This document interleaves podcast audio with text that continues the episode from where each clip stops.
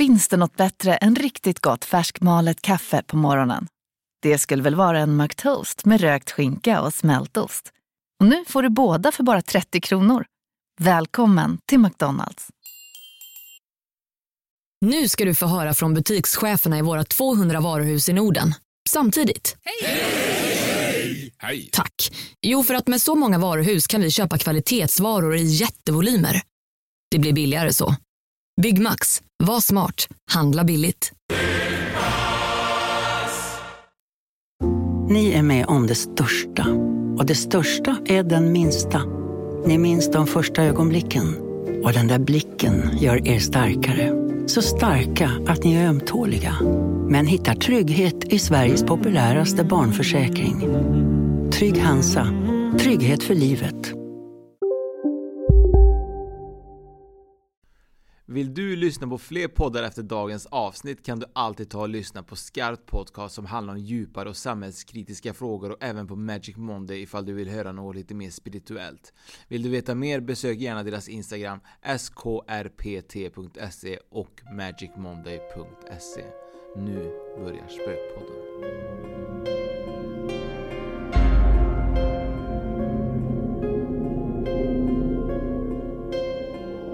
Och du lät peppad eh, Fredrik. Så nu var vi här igen på den jävla spökpodden va, vad snackar vi om? Tänk på whiskyn efteråt. Ja, har vi kört igång eller? Ja. Ja vi har kört igång, Ja, okej, ja, vad bra. men det går att klippa Mm, det går jättebra, men det behöver vi inte göra Nej.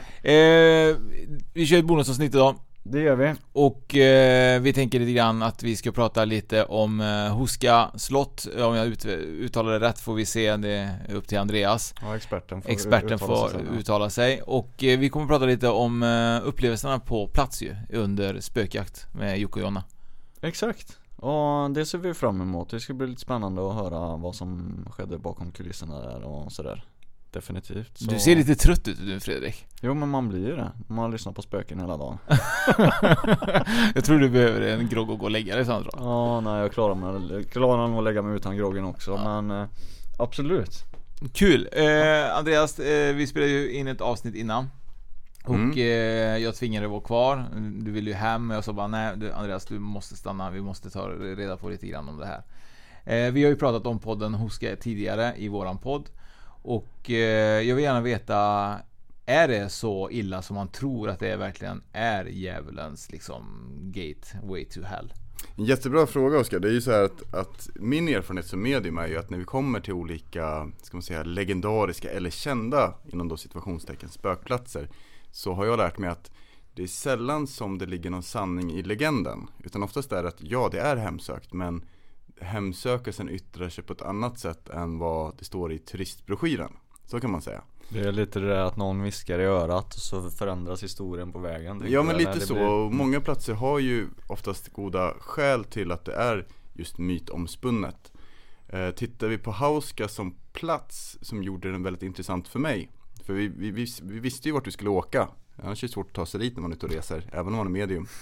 Men eh, det här slottet är alltså byggt uppe på ett berg utan någon befästning eller försvarsverk överhuvudtaget. Det finns ingen vindbrygga, det finns ingen vallgrav, det finns inga murar runt omkring själva slottet. Vilket är eh, oerhört ovanligt att man uppför ett stort slott utan att det ska kunna liksom skyddas från angripare. Med tanke på att det här då har stått väldigt, väldigt länge.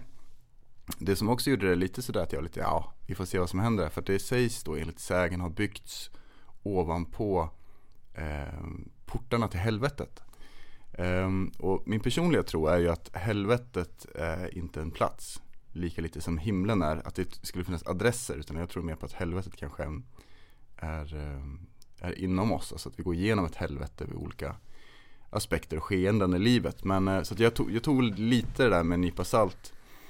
Ehm, och däremot tänkte jag så här att det, varför har, hur har man lyckats hålla den här borgen utan att någonsin bli intagen i princip?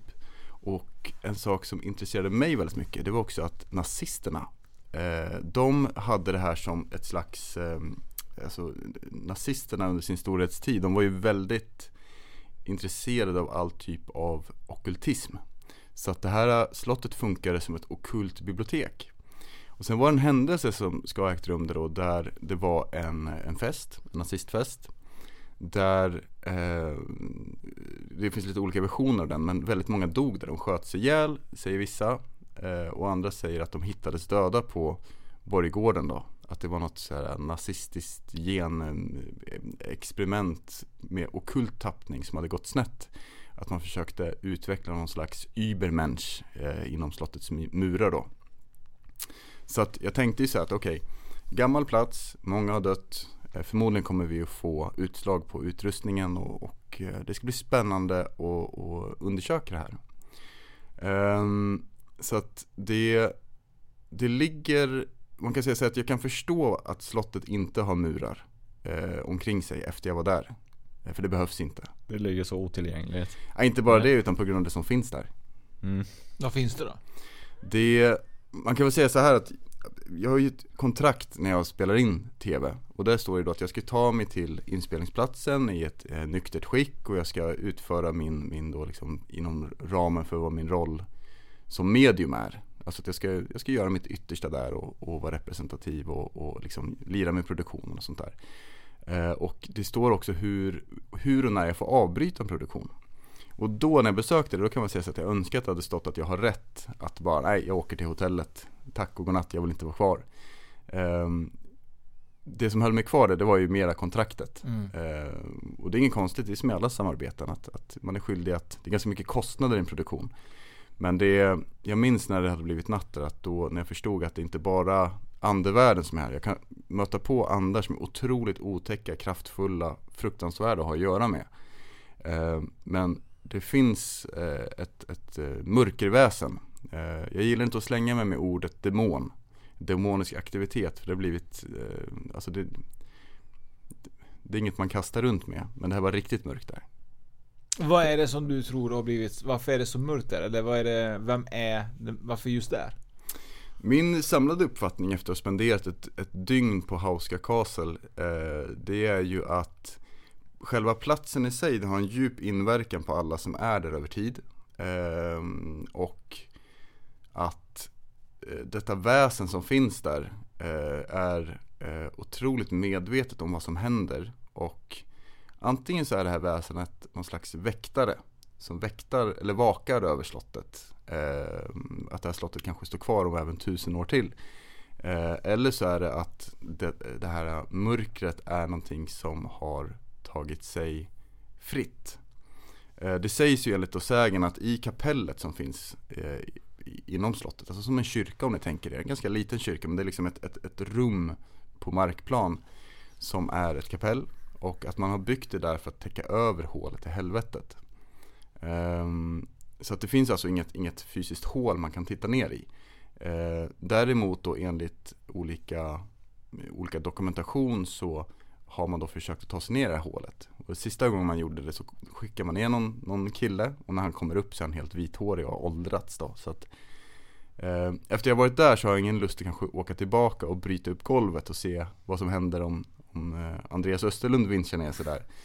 Eh, utan det, det som är där är otroligt illvilligt och eh, direkt farligt. Hur var, hur var det när du kom dit, när den här då väktaren, eh, onda anden, eh, väsenet, fick liksom märke typ, oh shit, här är någon som ser mig. Eh, vad hände, märkte du av det att han eh, ville ta kontakt med dig då? Eh, oh ja, det var vid ett tillfälle, det var jag, Jocke och Daniel som vi är inne i det här kapellet. Och eh, jag, jag är ett ganska informerande medium så jag bildar en uppfattning och sen så säger jag väl så här typ att ja, vi får vara lite Alltså Man ska ju alltid närma sig andevärlden tänker jag med respekt och med eh, alltid ha liksom möjligheten att kunna skydda sig Andligt beskydd och sånt där eh, Och Jocke och Daniel är väl kanske inte de minst provokativa människorna som går in på en plats utan de, de är ganska duktiga på att, att störa upp energin och sådär på gott och ont. Så att vi får ju kontakt med någon form av väsen. Vi förstår inte riktigt vad det är som händer förrän eh, Ehm, utrustningen börjar bete sig väldigt, väldigt konstigt och det eskalerar ju under natten. Men jag tror jag aldrig behövt skydda mig så mycket med både redskap och eh, alltså visualisera skydd som då. Vid ett tillfälle i det avsnittet så, så behöver jag bilda en sån här skyddscirkel omkring mig med kristaller. Jag känner mig som att att eh, det här är nog det flummigaste jag gjort på tv någon gång. Men det var verkligen så här saker jag fått lära mig hur man skyddar sig mot onda makter och sånt där. Eh, och Eh, under kvällen så, jag upplever hur det här släpper kring mig.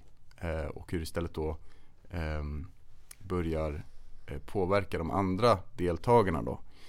Ehm, och det slutar ju med, slutar ju med en skräll utan att outa hela avsnittet egentligen. Men det, det som slog mig väldigt tidigt var väl att när vi träffar en, eh, en ska man säga, i den här ätten som har ägt det här slottet innan vi kommer dit. Så eh, hon är väldigt, eh, mär, hon har väldigt märklig energi. Eh, jag vill inte påstå att hon är besatt, men det, det kändes som att hon, hon döljde något. Hon höll något hemligt eller och det klarnade för mig när vi, vi fick en liten rundvandring av henne på slottet. Eh, att hon är en del av det här slottet, inte bara att det tillhör släkten utan att det känns som att hon på något vis är under influens av, av någonting annat här som vi inte kunde förstå i dagarljus. Tror du att hon, är det på grund av att hon har tillbringat mycket tid där då eller? Eller tror du att hon är äldre än Eller att hennes själ eller någonting är, håller ihop med den här Som du stötte på där? Väldigt bra fråga. Jag, spontant skulle jag säga att det känns som att är man där, skulle jag spendera en sommar på Hauska, då så skulle nog min sambo, hon skulle inte känna igen mig när jag kom tillbaka. Mm, hon skulle det- känna att det, Andreas är tillbaka men det är, det är någon annan bakom ögonen, i blicken. Men tror du då, den här, det väsendet, det är, tror att det är flera väsen där eller är det liksom en som är? Det är, alltså jag har ju haft nöjet, eller skräcken att vandra runt på det här slottet helt ensam eh, och dokumentera det även om en bråkdel är med i avsnittet. Jag har filmat en del privat också. Eh, alltså det här slottet gräver sig ner ganska djupt i berget som många slott gör. Eh, och det är tre plan, eh, om jag minns rätt. Eh, så det är ändå en ganska, ganska stor yta. Så att jag kommer i kontakt med eh, andra saker eh, än ett mörkerväsen. Eh, eller något som inte är från andevärlden också såklart. Men det är också det som sen dominerar. Och där får jag lite känslan av att, att den här energin styr även den utomsinnliga världen, alltså andarna. Att, att det här slottet är i grepp på något, eh, alltså mörka makter, så kan man väl säga. Och jag ångrar lite grann att jag, jag har gått ut i så här livesändningar och även i programmet att jag kommer aldrig mer återvända hit. Vilket har gjort att många människor är så här eh, efter pandemin, då drar vi till, till Hauska. Och jag är så här, det var inte riktigt det jag ville skapa. Eh, Eh, det är så här att när vi kommer till en plats, oavsett om man är, är eh, tv-medium eller om man är en, en, andlig sökare eller hur man nu betraktar sig så vi får aldrig riskera att göra oss illa själva eller någon annan. Ehm, så att jag skulle säga att jag skulle kunna återvända till Hauska i dagsljus men jag skulle inte stanna där över natt. Det var, jag minns i synnerhet så var det ju vi, har en, eh, till, vi släcker ju ner för spökjakterna och det är många som undrar varför i hela fridens namn gör man det? Känns inte det lite så här eh, amerikanskt överdrivet? Nej, man gör det för att man lättare ska kunna se på övervakning bland annat och på utrustningen när den går igång. Eh, och sen så är det också så att det skärper våra sinnen. Vet vi att det bara är vi där, det är helt nedsläckt, eh, då kan det inte heller uppstå eh, optiska illusioner på samma sätt som när ljus bryts genom gamla fönster och skuggor spelas och allt sånt där. Så att jag fick i uppgift det är ett väldigt stort slott och det var ju liksom inte en knapp att trycka på. Utan då var det så här, några fotografer som bara, du Andreas, eh, har, har du lust att hjälpa oss? Jag bara, självklart. De bara, kan du gå upp högst upp? Det finns en takterrass. Och sen är det en switch, vi tror att det är vid ingången. Eh, och sen så vrider du ner den när vi ropar ner från Borggården, för då skulle de filma det här. Och eh, resten av teamet är någon annanstans. Och jag går upp genom det här slottet. Och jag brukar inte vara så harig, men där kände jag just det här att fan den här natten kommer bli tuff. Så när jag vrider ner den här liksom, brytaren och man hör det här klonkljudet och det blir helt mörkt och man känner så här, jag är inte själv här och det här är inte från andevärlden. Varenda hår stod ju på kroppen. Det var inte modig.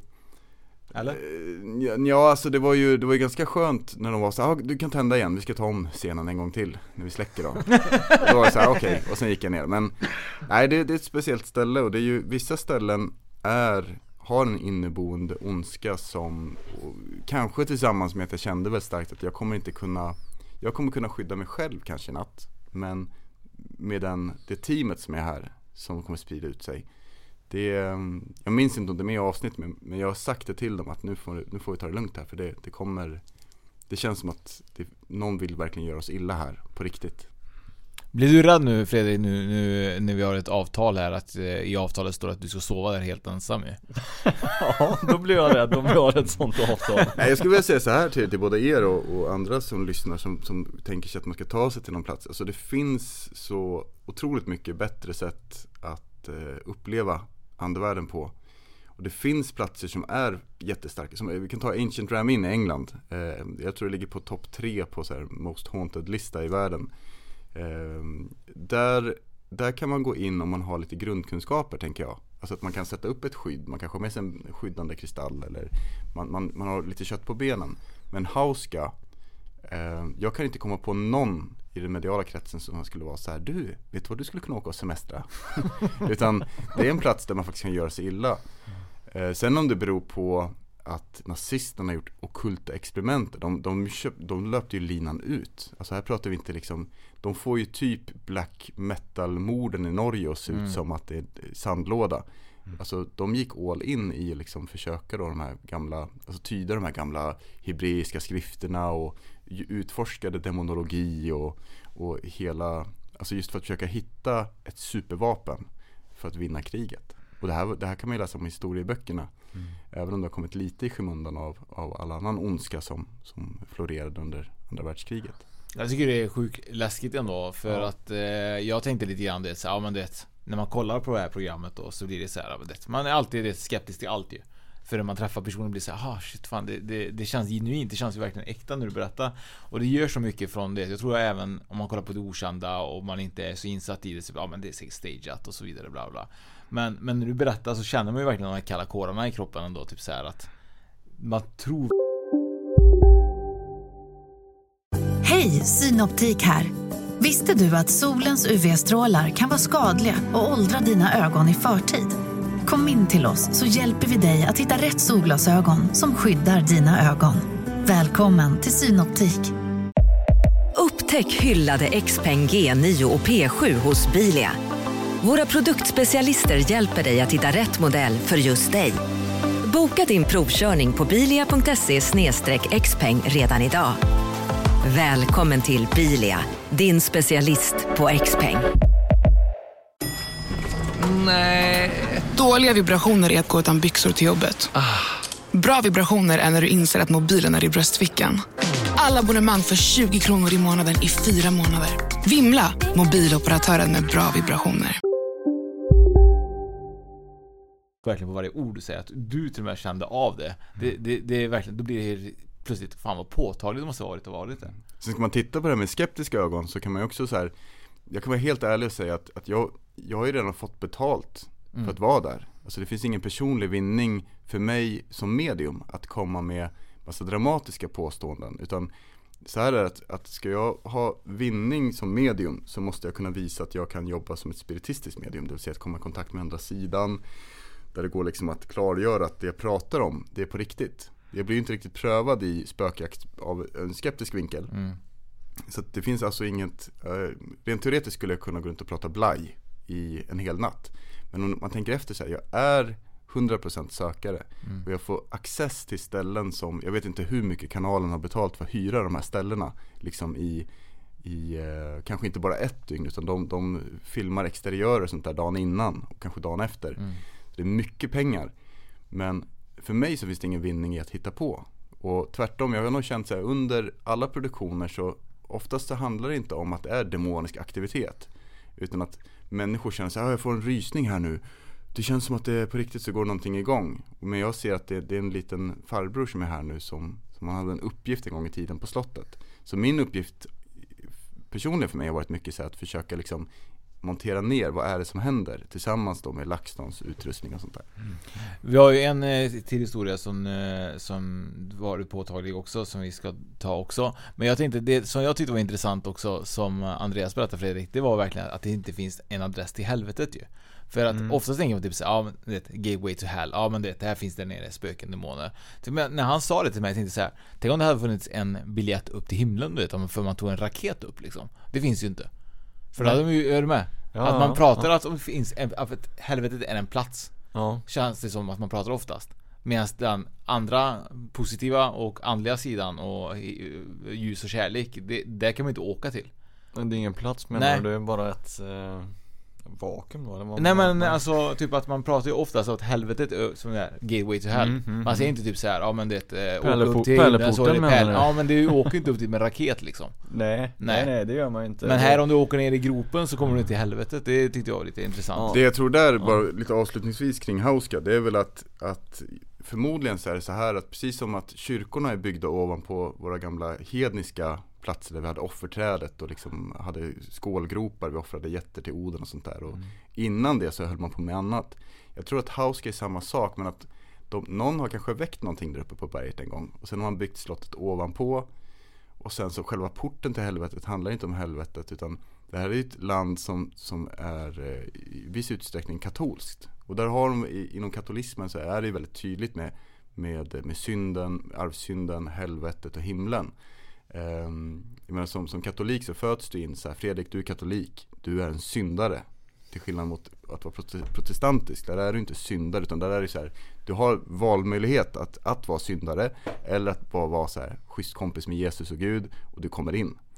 Eh, så att i de katolska länderna och till viss del också de rysk-ortodoxa länderna Där är det verkligen så här att kommer jag som medium dit och bara Tjena jag ska ha seans Då är de typ så här Ska du verkligen prata med andarna? Så det är inte bra. Och det är inte att de dömer mig utan att andarna är per automatik Jins, att det liksom är så här onda andar Precis som i, i, i eh, mycket i arabvärlden. Ja precis. Eh, Så att det finns ju en traditionell eh, förstärkning där men Hauska är 100% äkta.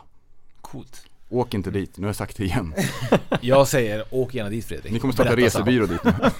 Spökpoddens resebyrå till Tjeckien. New kind of weekend. New kind of weekend. Eh, Men du har ju en, eh, en sista plats eh, som vi ska prata om i det här bonusavsnittet och det är ju, jag kan inte uttala den här platsen, det är för svårt för min Jag tror att, svenska. är det någon tysk som skulle höra den, då skulle de rätta mig Men jag tror man säger Heilstätte Gerwowsi Och detta ligger i, det här ligger en timme utanför Berlin, eh, en och en halv ungefär Och är eh, ett eh, tuberkulossanatorium som byggdes, eh, det är drygt 100 år gammalt. Eh, Och eh, det var ju från början tyskt, ett tag var det ryskt. Och eh, från början så var det ett tuberkulossanatorium Alltså där, för en oinvigd som inte vet vad tuberkulos är så är det liksom det, det det, det är inte som corona men det var ju också en, en, något som gjorde att, att lungorna kollapsade, man kunde inte andas och så vidare.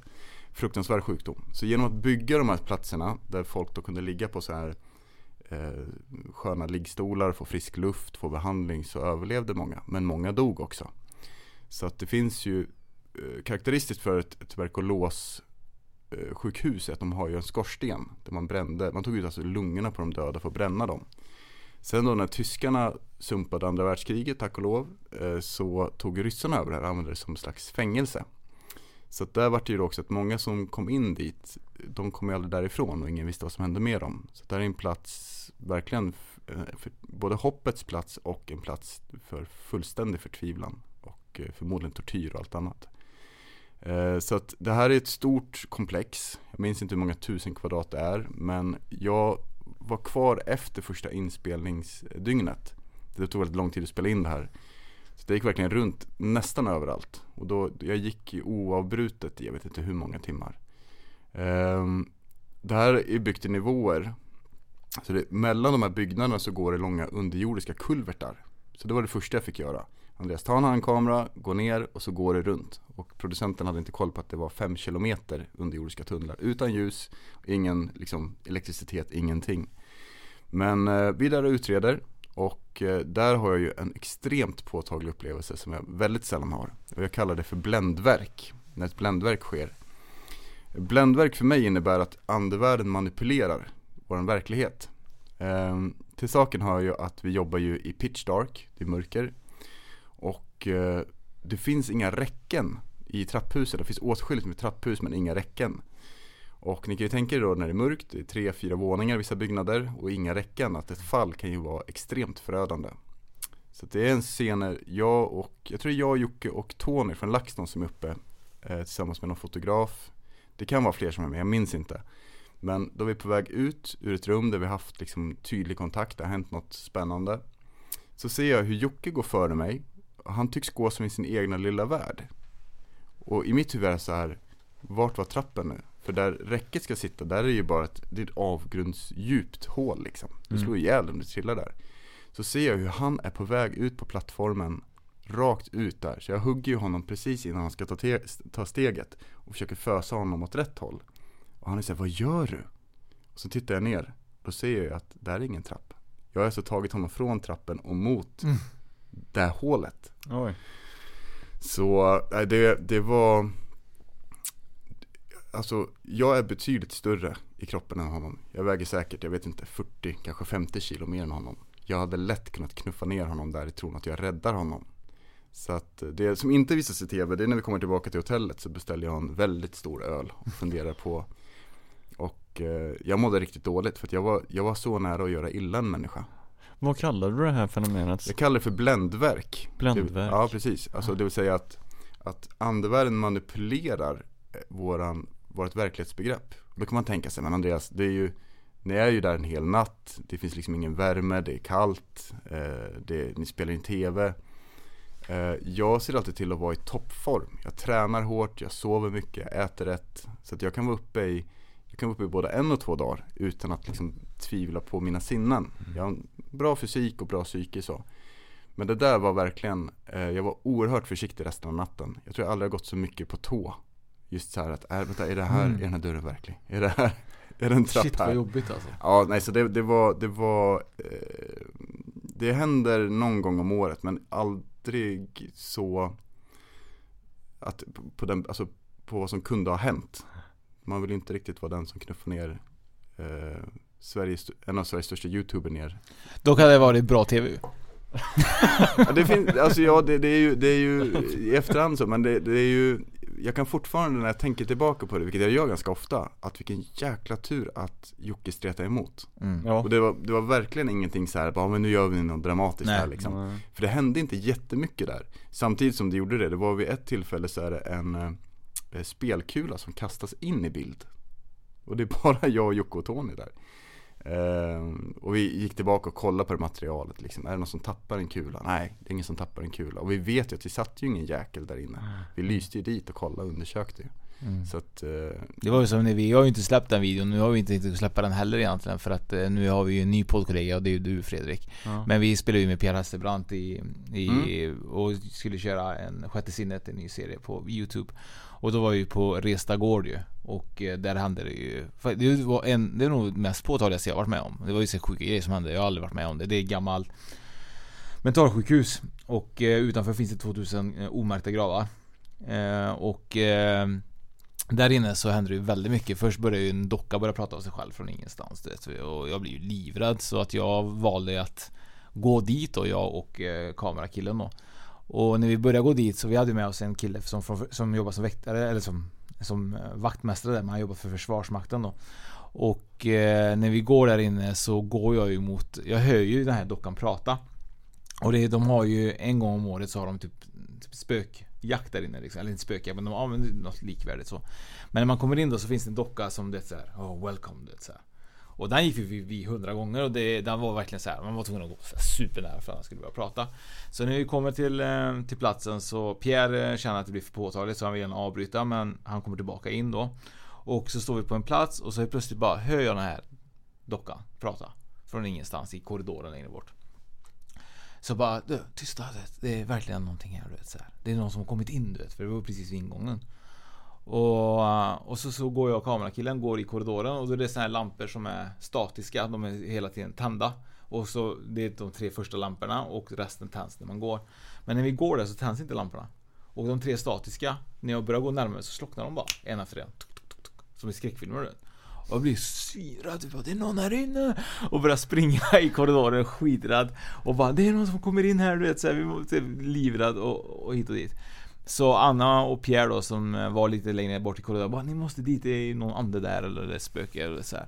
Men helt plötsligt så slängs det ju som du sa då, då var det inte, en puttekula då, då var det en guldtia Som flög när de gick med kameran, den bara flög från ingenstans och bara studsade liksom en gammal guldtia Och eh, jag springer dit och det är så här. Eh, helt jävla extas av det här liksom Tar upp den här guldtian och så kollar jag på den och så frågar Pierre bara men eh, kolla kanske speciellt, kanske vill säga något liksom Så stod det 1991 på den då så här. Guldtia från 1991 då Och då frågar jag ju då han eh, vakten då Eller vad man ska kalla honom eh, Vad hände här? Hände någonting 1991 här då? Och då säger han så här, ja 1991 var det året som man tömde alla skåp och det blev tyst här på, på Restagård då. Och då sa ju Pierre och Anna typ så här att det här är nog ett tecken på att de vill att vi ska lämna dem i fred. Att vi inte ska vara här. Det är verkligen nog det de vill säga oss då. Kan det vara så att ibland att de vill förmedla något via en typ puttekula eller? Ja absolut, det är ju i regel brukar det vara när någonting händer, säg att vi ska sitta här nu eh, i en liksom eh, nice poddstudio och sen helt plötsligt så, så, så, är det någonting som välter här inne som omöjligen skulle kunna välta. Mm. Då kan man tänka så här, hjälp det är någon som vill oss illa men då är det egentligen anden som vill visa att ja, men jag är här. Alltså att de gör ett kontaktförsök genom att de öppnar en dörr eller stänger en dörr eller knackar i väggen. Det är, det är en ringklocka. Men just när det är föremål, i det här fallet så är det ju väldigt tydlig koppling som du beskriver. Eh, så jag tänker att, att eh, Anna och Pierre tolkade helt rätt eh, utifrån det du berättar. Och sen den här spelkulan då på, på Heilstätte. Där var det just att jag hade en förnimmelse av en pojke. Så då tog vi med oss spelkulor som trigger objects. Eh, och um, de här olika spelkulorna de hade ju lite central roll i det avsnittet också. Men det är det som är så intressant med att göra, att jobba ut, som utredande medium. Jobbar jag som hus, alltså hus, husrensningar, då är det där för att skapa lugn. Mm. Och är det som utredande medium, då är det oftast för YouTube eller TV. Men då är det just det här med att, att vad är det andarna försöker säga oss? Och eh, problemet som alltid blir, det är att en del tittare kan vara så det hände ju inget i avsnittet, det var ju skitdåligt. Man är så men hallå, det här hände ju. Eller tvärtom, om det händer jättemycket, då bara, jag får ju mycket PM så Andreas, är det äkta? Bara, ja, som dörren på Athelhampton House, som vi körde in på eh, säsong 1 också, öppnar sig av sig själv. Det är jo det var på riktigt. Jag backar ut ur en korridor, för det är så himla otäckt, stänger dörren, det är en gammal låskassett från 17 sjätte skjortan på den, den klickar igen, den är stängd och den här dörren liksom, det är ingenting man bara rycker upp, det är ingen svikt i golvet och sen så bara klick och så går dörren upp. Då vet, jag vet ju att det är på riktigt. Mm. Men jag tänker också på det, alla som kan vara lite skeptiska till olika sådana här äh, kraftfulla spökställen och mentalsjukhus och allt vad det kan vara. Åk dit själv. Alla mm. skeptiker som skriver till mig, det är ganska sällan för att folk har nog gett upp och försöka övertyga mig, någon har fattat att jag är förlorad. Men, men just det här att är man skeptisk, ta med polarna, åk en natt till ett ställe och se. Oska. Nej, kanske inte det Oskar, men, men ta, framförallt nu i pandemitider, det finns mycket ställen som vi kan ta oss till och men, åk dit med sambon, åk dit med de ni dagligdags umgås med. Eh, vi har ju jättemycket ställen och jag och min sambo försöker ju hitta nya ställen eh, nu för det finns, många har stirrat sig blinda på alla kända ställen, så här Frammegården, Borgvattnet och mm. alla sanatorium och sånt där. Att det finns många, det finns säkert tusentals oupptäckta ställen. Men så mitt råd till dig som lyssnar det är att låna utrustning av en kompis eller beställ hem en webbshop. Ta med en handkamera eller två, mycket batterier, termos, sovsäck och mycket mod. Det är en sak när det är dagsljus. Jag kan vara hur stödig som helst. Men när mörkret faller och eh, det börjar tissla och tassla. Saker som hjärnan inte kan processera händer. Så då får ni era bevis. Spännande. Och eh, vill man eh, kanske kolla lite mer på, på Andreas så är det ju liksom kalla kårar som gäller nu på Youtube ju. Yes, vi släpper ju lite nya avsnitt nu. Så att, eh, jag ska inte outa någonting än. Vi vill ju kunna jobba ostört men vi har hittat riktigt spännande ställen. Så ligger det någon sanning i det så kommer ni få riktigt spännande avsnitt nu. Kul. Härligt. Kul. Kul. Vi avslutar här tycker jag. Det gör vi. Och tackar så hemskt mycket för, eh, för att du ville. Tack själv och tack till er som har lyssnat och jättekul att vara här. Tack. Tack. Tack.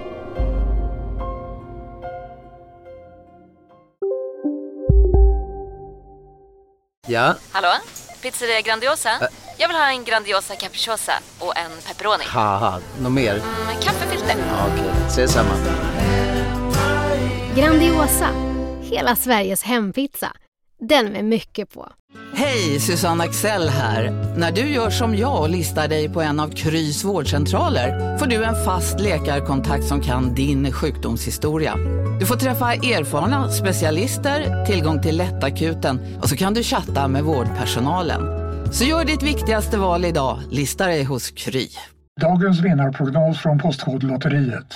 Postnummer 65209, klart till halvklart och chans till vinst. 41101, avtagande dimma med vinstmöjlighet i sikte. Övriga 10 500 postnummer, soligt och möjlighet att vinna. Oavsett när sommaren kommer till dig så kan du och dina grannar få dela på 48 miljoner i sommaryran. Ta chansen nu i maj på Postkodlotteriet.se. Åldersgräns 18 år. Kontakta stödlinjen om du eller någon anhörig spelar för mycket.